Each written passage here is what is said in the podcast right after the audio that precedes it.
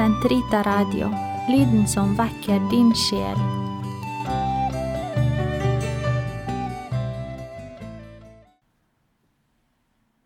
Den katolske kirkes katekisme, uke 37, mandag 668 til 677. Sjuende artikkel skal derfra komme igjen for å dømme de levende og de døde. Han kommer tilbake i herlighet. Kristus råder allerede gjennom kirken. Derfor var det Kristus døde og fikk liv på ny for å være både de levendes og de dødes herre. Romerne 14,9. Kristi himmelfart betyr at han i sin menneskenatur har del i Guds egen kraft og myndighet. Jesus Kristus er Herre. Han eier all makt i himmel og på jord. Han er over alle makter og myndigheter, krefter og herskere. For Faderen la alt for hans føtter. Efeserne 1, 20-22. Kristus er altets og historiens herre. I ham blir mennesket og til og med hele skaperverkets historie sammenfattet, Efeserne 1.10, og når sin transcendente fullbyrdelse. Som Herre er Kristus også hodet for Kirken, som er hans legeme. Opphøyet til himmelen som han er, og herliggjort etter fullt ut å ha utført det han ble sendt for, forblir han på jorden i sin kirke. Gjenløsningen er kilden til den myndighet som Kristus i kraft av Den hellige ånd utøver over kirken. Kirken, det vil si Kristi rike slik det allerede er til stede i mysteriet, er spiren og begynnelsen til dette riket på jorden. Etter himmelfarten gikk Guds plan inn i sin fullbyrdelsesfase. Vi er allerede kommet til den siste time, 1. Johannes 2, 18.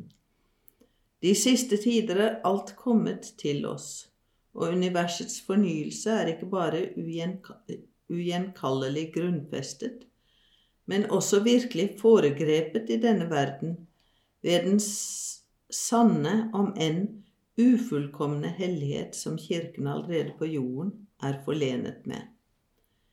Kristi rike viser sitt nærvær ved de gjærtegn som følger Kirkens forkynnelse av det. I påvente av at alt skal bli ham underlagt.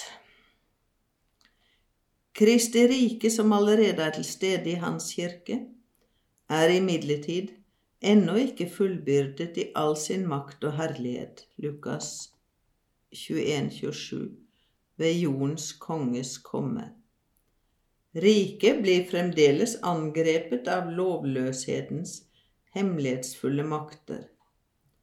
Selv om Kristi påske dypest sett allerede har overvunnet dem, inntil alt er ham underlagt, inntil den nye himmel og den nye jord, hvor rettferdighet bor, kommer til syne, er Kirken underveis, og i sine sakramenter og institusjoner som hører tiden til, bærer den i seg bildet av denne verden som forgår, og selv lever den blant de skapninger som sukker og stønner som i fødselsrier, og venter i lengsel på at Guds barn skal bli åpenbaret.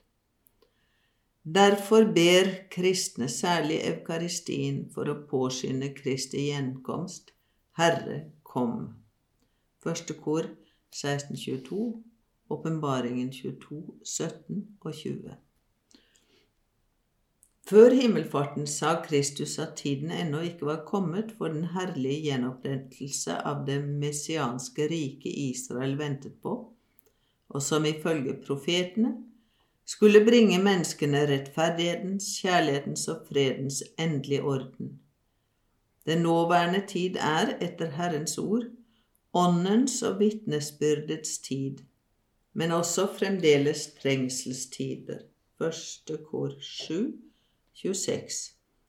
Og onde dager som ikke sparer kirken, og som innleder de siste dagers kamp. Det er en tid til å vente og våke. Kristi herlighetsfylte gjenkomst, Israels håp. Siden himmelferden har Kristi gjenkomst vært nær forestående, selv om det ikke tilkommer dere å få vite de tider eller den stund Faderen av egen myndighet har fastsatt. Apostelgjerningene 1.7.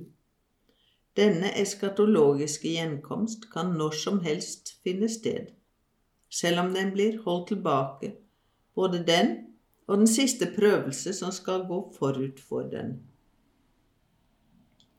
Messias' herlighetsfylte komme er på ethvert tidspunkt i historien avhengig av at han blir anerkjent av hele Israel.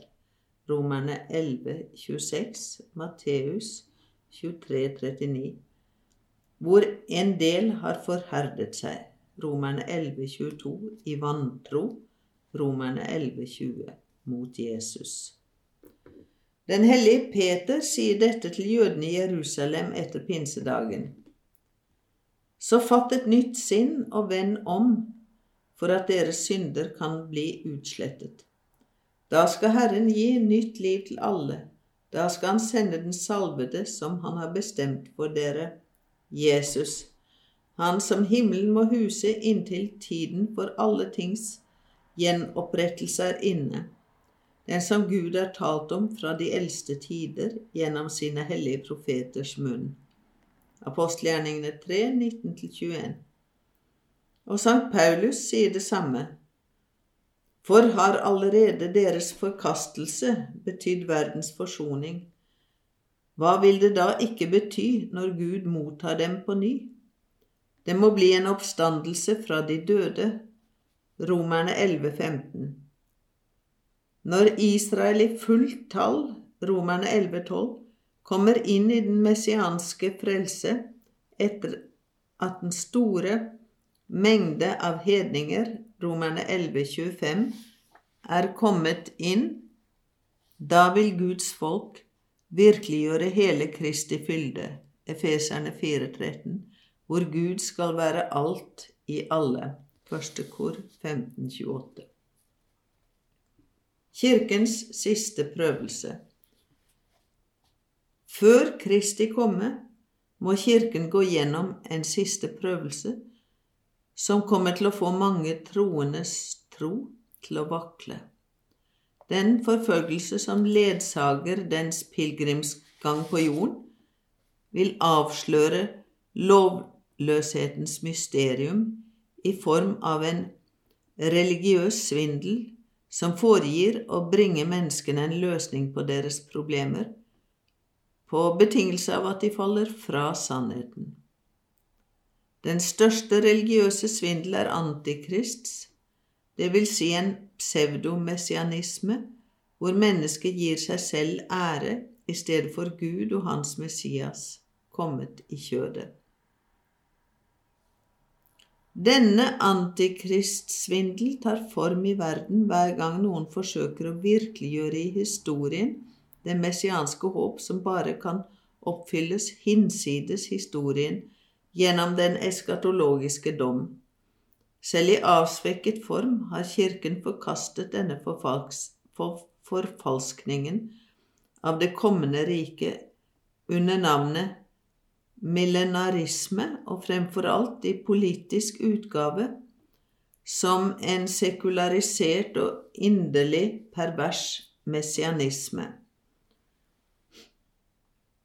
Kirken kommer ikke til å gå inn i rikets herlighet på noen annen måte enn gjennom den siste påske, hvor den følger i Herrens fotspor til Hans døde oppstandelse. Riket kommer derfor ikke til å fullbyrdes i en historisk triumf for Kirken på slutten av en oppadstigende fremgang, men i Guds endelige seier over ondskapens siste løssluppenhet, en seier som får Hans brud til å stige ned fra himmelen, Guds triumf over ondskapens opprør, vil ta form av den siste dom etter den siste kosmiske rystelse av denne verden som forgår.